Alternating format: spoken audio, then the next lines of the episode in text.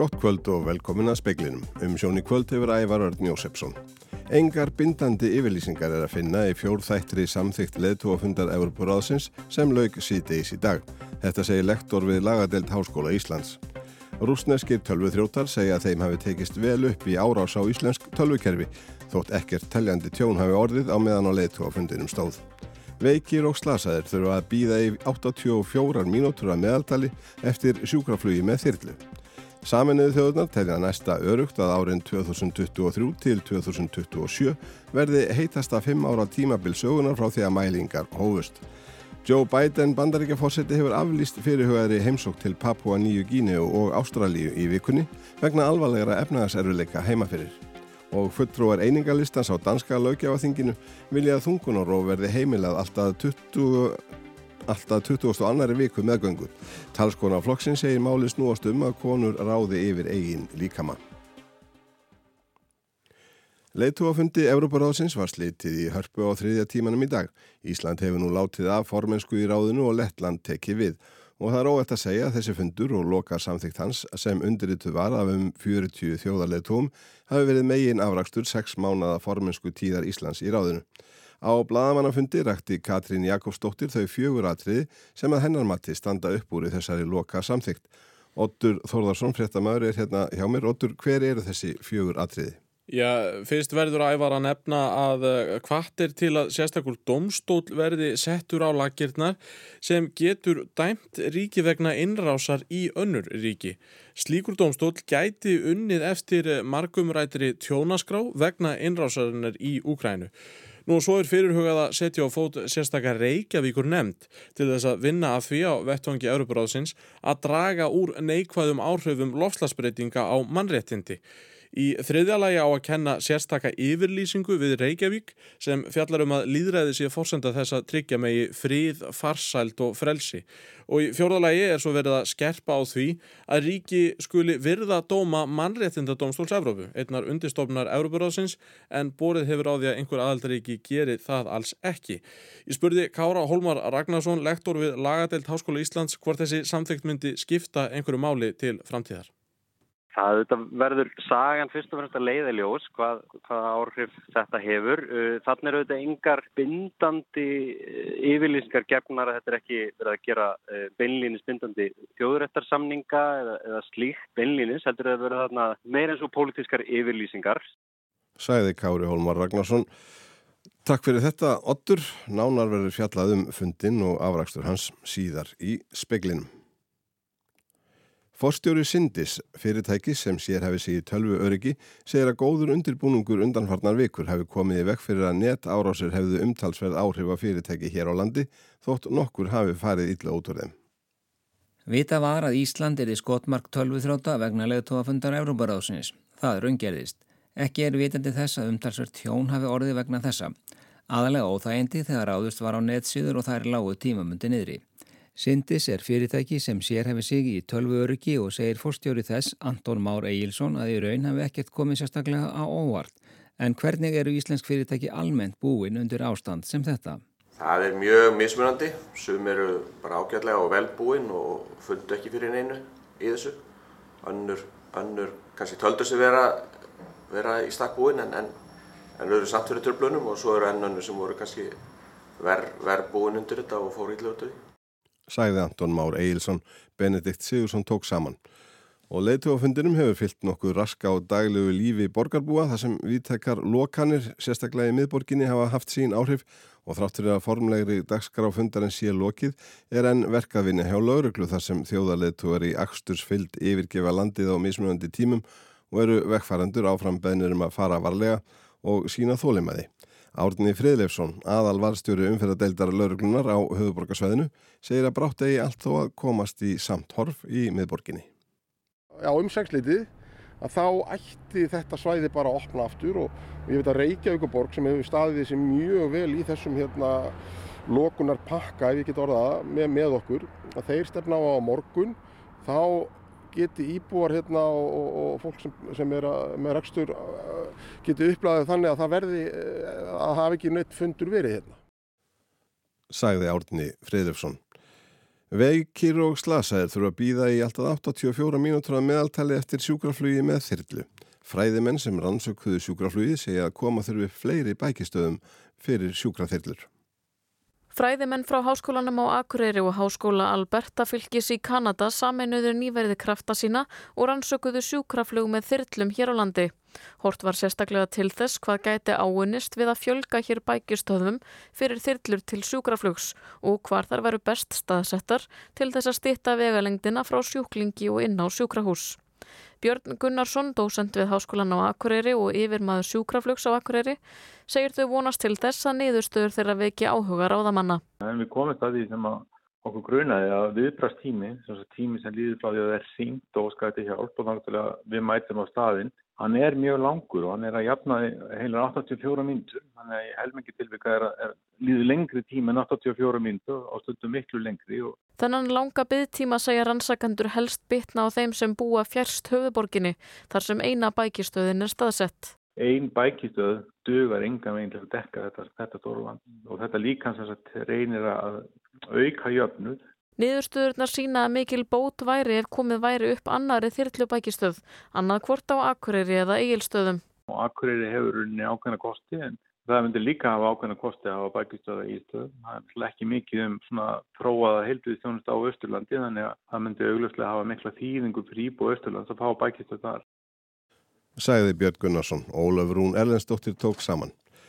Saminuði þjóðuna telja næsta örugt að árin 2023 til 2027 verði heitasta 5 ára tímabil frá því að mælingar hófust. Veður fyrirbriði El Niño og útblástur gróðurhúsaloftegunda eigi eftir að vinna saman að því að hækka hitastegi á jörðinni. Taldar er um 66% líkur á að árs meðalhitti á yfirborði jarðar verði yfir 1,5 gráðum herri en meðalhitti var fyrir innbyltingu. Markmið Parísasáttmálans um loslasbreytingar er að hiti fari alls ekki yfir tveimur gráðum herra en hann var að meðaltala áran 1850 til 1900 og helst ekki meira en 1,5 gráðum yfir það. Fulltrúar einingalistans á danska lögjafaþinginu vilja að þungunoróf verði heimilað alltaf 20. annari vikuð meðgöngu. Talskonaflokksinn segir máli snúast um að konur ráði yfir eigin líkama. Hálf öld er síðan þungunarróf var heimilað í Danmörku til og með 12 viku meðgöngu. Rósa Lund, málsvari kynja jafnbrettis innan einingarlistans, segir nú tímabært að hækka þau mörg. Hún segir engin helsufarsrög mæla gegn því en dönskum konum er þegar heimilt að láta binda enda á meðgöngu fram að 22. viku að fengnu samþykki kvennsjúkdómalæknis, geðlæknis og lögfræðings. Það telur Lund óþarfa og máli sínu til stuðnings bendur hún á að alþjóða heilbreyðisstofnunin telji þungunarrof óhætt alla meðgönguna. Siðfræðir ráð hefur málið til umfjöllunar og heilbriðisráþurann Sofí Löte segði á alþjóðlegum baróttu degi hvenna 8. mars að ríkistjórnin tæti ekki afstöðu fyrir niðurstöða þess likur fyrir. Það gæti orðið með haustinu. Flestir flokkar á þinginu verðast andvíir því að hækka mörkin. Fóstur telst hafa náð lífvænlegum þroska eftir 2004. viku meðgöngu en Rósa Lund segir máli snúast um vilja og þörf hvenna. Það sé óæðilegt að ennskuli aðrir en konur sjálfar vila um hvað sé þeim fyrir bestu og að útilökað sé að alá sektar kent hvenna. Tæp fjögur ári eru síðan alþengi staðfesti heimil til þungunarrofs að 20. annari viku. Í Svíþjóður viðmiðið 18 vikur og 12 í Noregi. Markus Þóraldsson tók saman. Ívan Tóni, leikmaður Brentford í ennsku úrvasteldin í fótbolta var í dag dæmdur í áttamannaða bann frá keppni vegna brota á veðmálareglum ennska knaspirnu sambandsins. Þar að ekki var hann sektaður um 50.000 pund sem samsvarað tæplega 9 miljónum króna. Tóni sem brauð 232 sinnum af sér sangvann dómnum má byrja að æfa aftur með félagi sínu 17. september en fær ekki að keppa á nýferðin 17. janúar á næsta ári. Þetta er mikil missir fyrir Brentford en Tóni hefur átt stórgótt tímabil. Er til að mynda þriði markaðisti leikmaðu deildarinnar með 20 mörg.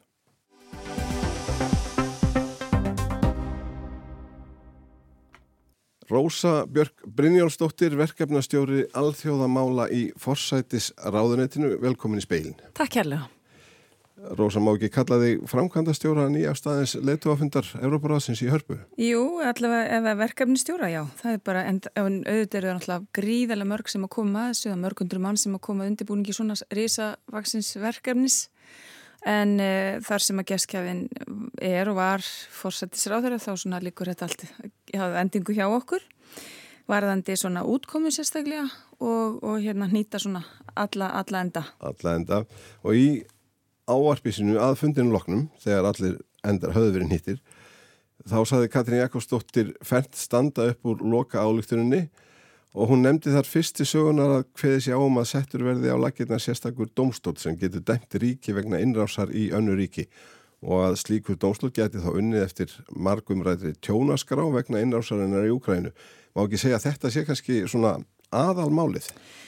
Sko, um, þetta er raun og veru stöðningur og þetta er skýr stöðningur Európarásins við undibúning að sérstökum dómstóli. Það er búið að vera að hérna, ræða þetta fram og tilbaka því við höfum jú alþjóða, uh, alþjóða gleipa dómstólinn í hag og bara þannig að segja frá því að það er náttúrulega verið hérna, þau sem að standa vörðum þann dómstól hafa náttúrulega kannski verið hikandi við það að, að sjá annan dómstól stopnaðan síðan í gagvart Úkrænu en þarna er komið fram með 46 ríkja stuðning við undirbúninga sérstökun dómstóli, jú rétt. Síðan eru megin niðurstöður fundarins núna hér, Reykjavíkur fundarins. Það er eh, yfirlýsingum áframhaldandi stuðningu Úkrænu í formi tjónaskrá. Og þar er, er undirritun á samningi um að ræða um alþjóðlega tjónaskrá fyrir Úkrænu vegna tjóns sem innrás rúsa hefur haft.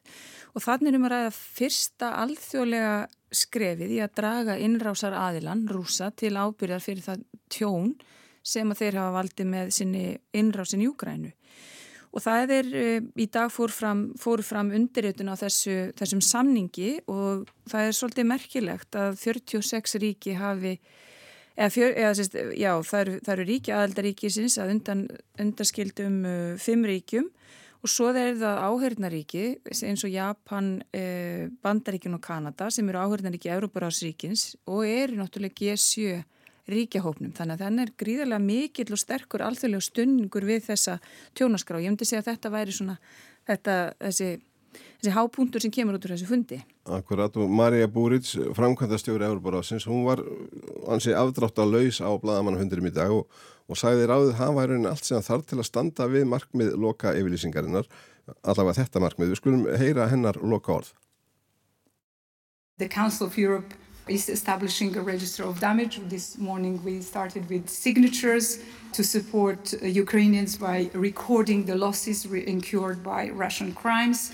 And this is vital for any future compensation mechanism, as it was again rightly mentioned. So, uh, our organization has the skills and expertise to deliver the register, and the work has begun. Thank you very much.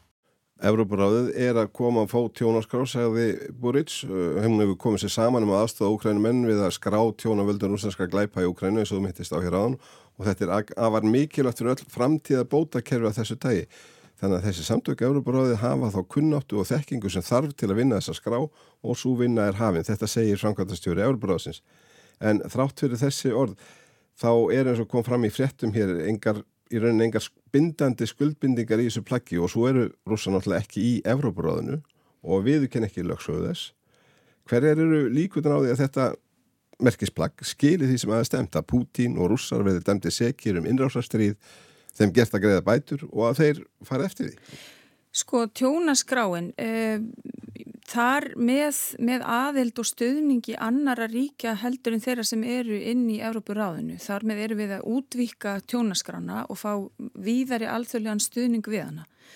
Og það held ég að það sé eiginlega svona líkilatrið því að styrkja við þennan, þennan feril eh, vegna þess einmitt eins og þú nefnir að því að, að, því að rúsar eru ekki lengur aðeldaríki að Európuráðinu og það með því að útvika þetta þá, þá stækku þetta alþjóðlega e, og um leið styrkjum stöðningin við það. Þessi tjónaskrá, hún verður hýst í Hag í Hollandi og það sem að Frankværtastjóri Európarásins sem var hér að tala rétt þann í, í, í hljótaðminn sem þú varst með var að segja er að Európaráði hefur allir þessi tækja tól sem hægt er að nýta í vinnuna við að sapna saman gögnunum og það er ánáttúrulega við, uh, það er undir, það er stopnarnir innan Európa-rásin sem hafa verið nú þegar að vinna inn í Úgrænu að uh, framgangi mannréttindamála þar og stuðningi við Úgrænu og svo líka náttúrulega domstólinn, mannréttindadómstól Európu sem hefur þessi tæki og tól og mun leggja það til líka varðandi að, að kortleggja all þetta, þetta tjón sem hefur orðið, hvort sem það er í formi manntjóns eða hvort sem það er í formi tjóns á innviðum Úgrænu sem hefur náttúrulega orðið gríðalegt, raflínur, jafnvel, vegir og brýr og svo framvís. Þannig að þarna er líka um að ræða eins og þú nefndi, sagði réttilega, þá er þarna um að ræða gríðalega mikilvægt fordæmi og alþjóða vísu. Það er að segja að sapna saman svona tjóni að þessum toga vegna ólöglegar innrásar, rúsa og síðan nota það til þess að krefja innrásaraðalina um bætur og þetta er svona fyrsta skrefi í þessu bótakjærfi. Síðan ef ég má, eh, að því þú ert að tala um svona að þetta sé ekki bindandi plagg, þá var það samt sem aður ákveð af hálfu Európaráðsins í aðdraðanda Reykjavíkurs fundarins að allt það sem að verður ákveð á fundinum í útkomu skjálinu að það í raun og veru bindur aðeldaríkinn til þess að, að hérna, það er skuldbindandi gagvart aðeldaríkjónum og það er í raun og veru, þá erum við að, þá, þá var í raun og veru tekifundurinn á upp á svona hæra level upp á það, það stig sem að ráþurur á þau er á nú þegar. Og það er neða allt sem er ákveð á þessum fundi og kemur út honum það verður síðan tekið áfram í, í áframaldandi vinnu. Og þar með tali samþyktur um tíu reglur til þess að vinna gegn bakstæðu og líðræði sem að nefnast Reykjavík Principles of Democracy þar sem ríkin ákveða að vinna skýrkjart bakslæði og líðræði með því að samþykja svona tíu megin reglur um styrkingu á líðræðinu.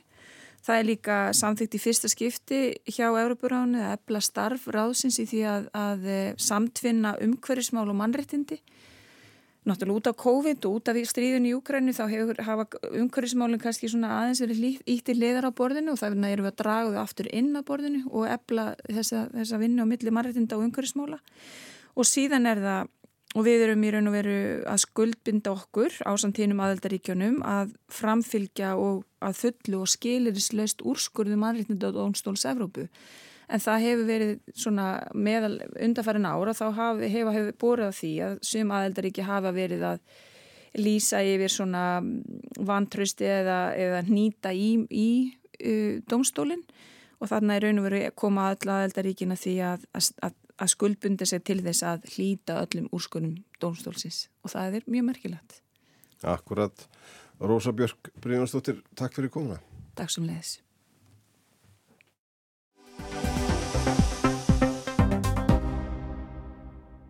Since we've done quite a lot of job internally, we are in the process and already confiscated quite a lot of Russian assets on the territory of Ukraine.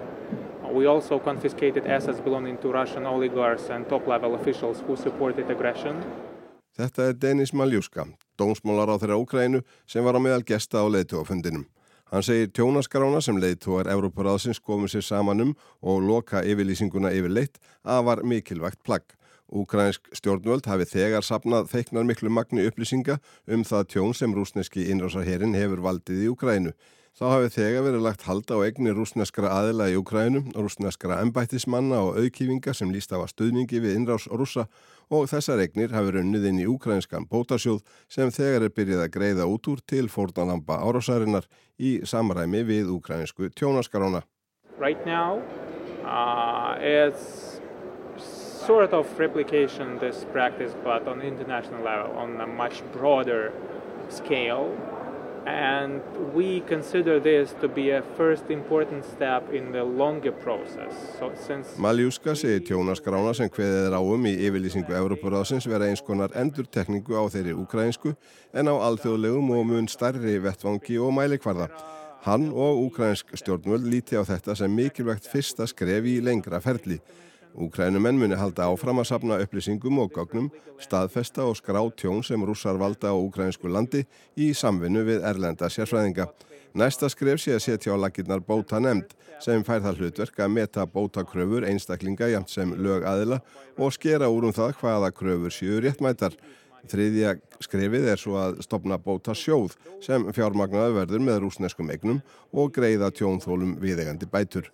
Yfirlýsing fundarinn sé vissulega mikilvæg en allir hljótið að skilja að hún sé bara fyrsta skrefið og að það sé tilgangslöst að ákveða skrátjónið ef ekki á að bæta það. Og auðvitað skiljum við það, segir Maljúska, að þið ljósi þess hver tjónið er gríðalegt og hver mörg hafa mist og þjáðst að þá er ekki hægt að ætlast til þess að ukrainskir og evrópskir skattborgarar axli kostnaðin við endurreysn Ukraínu. Það eru rússar sem eiga að gera það, engin evi um það.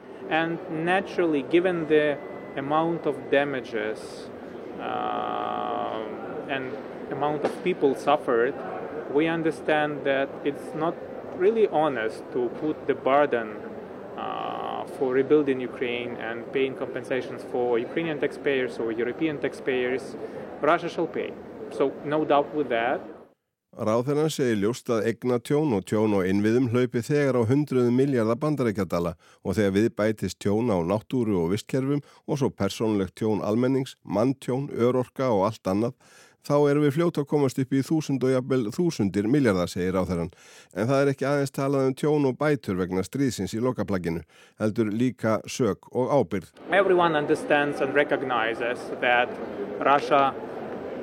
Made a crime, committed a crime, crime of aggression, and Putin is personally responsible for that crime. Allir skilja og viðurkenna að rússar hafa framið glæp og að Putin rússlandsfórseti ber personlega ábyrð á þeim glæp. Hver sá sem lesið hefur alþjóða lögfræði veit að innrás rússa er glæpsamleg en þeir Putin, Sjöigu og Lavrov njóta friðhelgi sem þjóðar leittói og ráðherrar og engin úkræðinskur dómstól getur réttað yfir þeim. Og það getur alþjóða glæpadómstólinn ekki heldur, segir Mæluska, þar sem rússar eigi ekki aðild að rómarsáttmálunum. Sá dómstól hefur samt lögsögu þegar kemur að stríðsklæpum og hefur þegar gefið út handtökuskipan á hendur Pútín á þeim grunni. Það er því mikið verk óunnið fyrir lögfræðinga eða á að takast að koma lögum yfir rússa fyrir þennan árásar glæpsinn, segir Mæluska, og vistmorð er svo enneitt glæpurinn sem tekin verður með í rekningin þegar mat verður lagt á það tjón sem rússar hafa valdið í Úgrænu. It's hard to calculate it at this time. We have preliminary calculations, and particularly right now, what makes our, our life and our economy struggle is the, the territory which, is, which was mine. Maljúska segir erfitt að meta umfangu afleðingar vistmorðsins sem stendur. Stór svæði séu þakkinn rúsneskum jarðsprengjum sem tímafrekt verði að reynsa og það valdi meiri áttar vandamálum og skada til dæmis í landbúnaðageiranum og muni gera það lengi enn. Fyrstu tölur og útrekningar bendir rauna til þess að umhverfistjónið og tjón á visskerfum geti verið enn meira en eigna á innviðatjón og það er erfitt að átta sig á hvort og þá hvernig og hversu hratt landið geti jafna sig á því tjóni, segir Maljúska. Og í raun sé ekki hægt að rannsaka þetta að gagni fyrir en rússar hafa yfirgefið Ukrænu.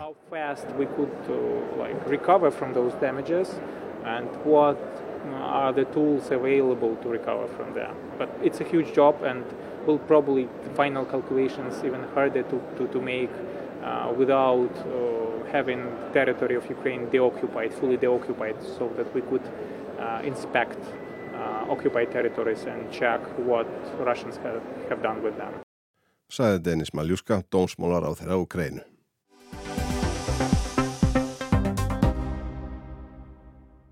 Joe Biden, bandarækjafórseti, hefur aflýst fyrir hugaðri heimsók til Papua Nýju Gíneu og Ástralju í vikunni vegna alvarlegra efnahagserfileika heima fyrir. Hann fór á fund leðtóa sjö helstu innríkja heims, G7 ríkjana svonemdu, en heldur heim á sunnudag til að stýra samningaviðraðum við leðtóa republikana um að hækka skuldathak ríkisjóðs. Náist ekki samkómulag fyrir 1. júni blasir við að sjóðurinn getur ekki staðið við afborganir af lánum og aðrar fjárhags skuldbindingar sínar. Janet Yellen, fjármálar á þeirra bandaríkjana, sagði í sjómarviðtali að þingmenn stjórnar og stjórnaranstöðu á þinginu í Washington yrðu að komast að samkómulagi um að hækka skuldathakið. Ella blöstu við efnahagslegar hamfarir og stjórnlaga krísa. It's Congress's job to do this. If they fail to do it, we will have an economic and financial catastrophe. Jelen bætti við að ef þingið stæði ekki sína plikt hefðu fórsetin og þingið engin ráð til að afstýra hörmungunum. There is no action that President Biden uh, and the U.S. Treasury can take to prevent that uh, catastrophe. Joe Biden rætti í vikunni við flokksleðtoga á bandarækjaþingi í hvita húsinu. Hann hvaðst eftir fundin vongóður um að hægt yrði að koma vekk fyrir að greiðstufall yrði í fyrsta sinni sögu landsins en það væri enn verk að vinna áður en málinu yrði silt í höfn. We'll speak regularly over the next several days and the staff's going to continue meeting daily to make sure we do not default. Ég gerði þingfórsetta og öðrum ljóst að við verðum að ræða reglulega saman næstu daga. Starfsfólk okkar ætlar að hittast daglega til að koma í vekk fyrir greiðslufall, sagði fórsetin. Janet Jellen, eh, fjármálráþara, fóri yfir það í sjómarpsviðtalinu að frá árinu 1960 hefur skuldathækið verið hækkað 78 sinnum, þar af þrísvar í tíð síðustu ríkistjórnar. Í öllum tilfellum sagðun að þingmenn úr báðum flokkum hefðu staðið að hækkuninni. It simply is unacceptable for Congress to threaten economic calamity for American households and the global financial system as the cost of raising the debt ceiling and getting agreement on budget priorities. Það er einfallega ólýðandi að þau þingi stefni bandarískum heimilum og hinnu alltjóðlega fjármálakerfi í efnahagslegar ógöngur með deilum um að hækka skuldathækið og forgangsröðun innan gildandi fjárlaga, saði Janet Yellen. Farið svo að þingheimur komi sér ekki saman um hækkun skuldathagsins segir hún að ríkisjóður lendi í þeirri stöðu að get ekki borgað alla rekninga sem gjald falla 1. júni svo sem vaksta greiðslur og afborganir af lánum. Ekki verði til næjanlegir fjármunir til að greiða ríkistarfsmannum laun eða standaði skilum við fólk sem er háð greiðslum úr almanna tryggingasjóðum svo að nokkuð sé nefnt. Flestir eru á því, sagðun, að efnahagslegri ingulreið skapist við þessi skilirði. Standi bandareikin ekki við skuldbindingar sínar um mánaðamótin verður lánshæfið þeirra dreyið í Eva. Bandarisk ríkiskuldabref hafa til þessa þótt örugasta fjárfestingin á alþjóðlegum fjármálamarkaði en verða það að líkindum ekki komið til greiðslufalls.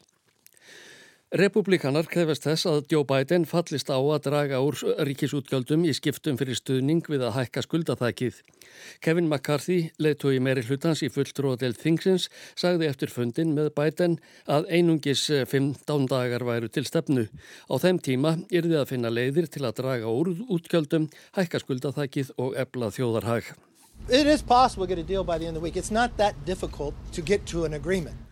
Mögulega komust við að samkómulagi fyrir vikulokk, það er ekki svo erfitt að ná saman, saði Kevin McCarthy. Republikanar hefðu bent á ymsar leiðir til að spara umtalsvert í ríkisútgjöldum og yfir þær þyrti að fara. Deilan um lánaþakið kemur á slæmum tíma fyrir Joe Biden. Hann þarf að mæta á leðtoga fundið G7 ríkjana í Japan sem hann segir að skipti afar miklu máli. And America's role in the world is vital, especially right now as we work together with other countries to support Ukraine and take on all the challenges that demand international cooperation. Hlutverk bandaríkjana í heiminum er mikilvægt, sérstaklega núna þegar við vinnum með öðrum þjóðum við að styðja við Ukrænu og takast á við ímis mál sem krefjast alþjóðlegrar samvinnu, sagði fórsetin. Sem dæmi um slík mál nefndi hann baróttunni gegn loftslagsbreytingum og að koma efnahagsmálum í heiminum í betra horf en nú er. Vegna þeirrar baróttu hvaðst hann hafa gert leiðtóum að bandaríkja þingi grein fyrir að greiðslufall ríkisjós kemi ekki til greina. Það geti leitt til nýrar efnahagskreppu.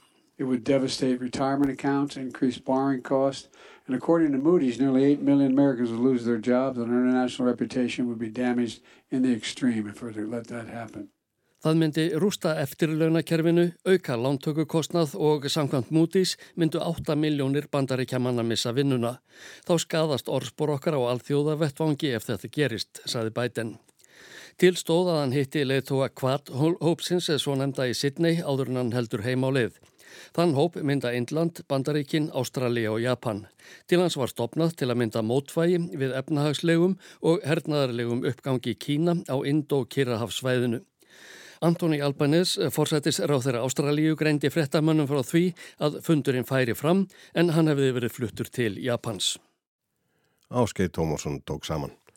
Veðurhorfur á landinu til miðnætti sanna kvöld, suðvestan 3-10 metrar á sekundu og smá skúrir fram eftir kvöldi en skíjað með köplum og þurft á norðaustur og austurlandi. Vaksandi suðaustan 8 og fyrir að rigna suðvestanland sent í kvöld. Sunnan og suðaustan 8-13 metrar á sekundu á morgun og víða rigning en úrkomu lítið verið norðaustan til. Vestlagari vindar og þóku súld annað kvöld og híti verður 8-17 stig hlýjast norðaustalands.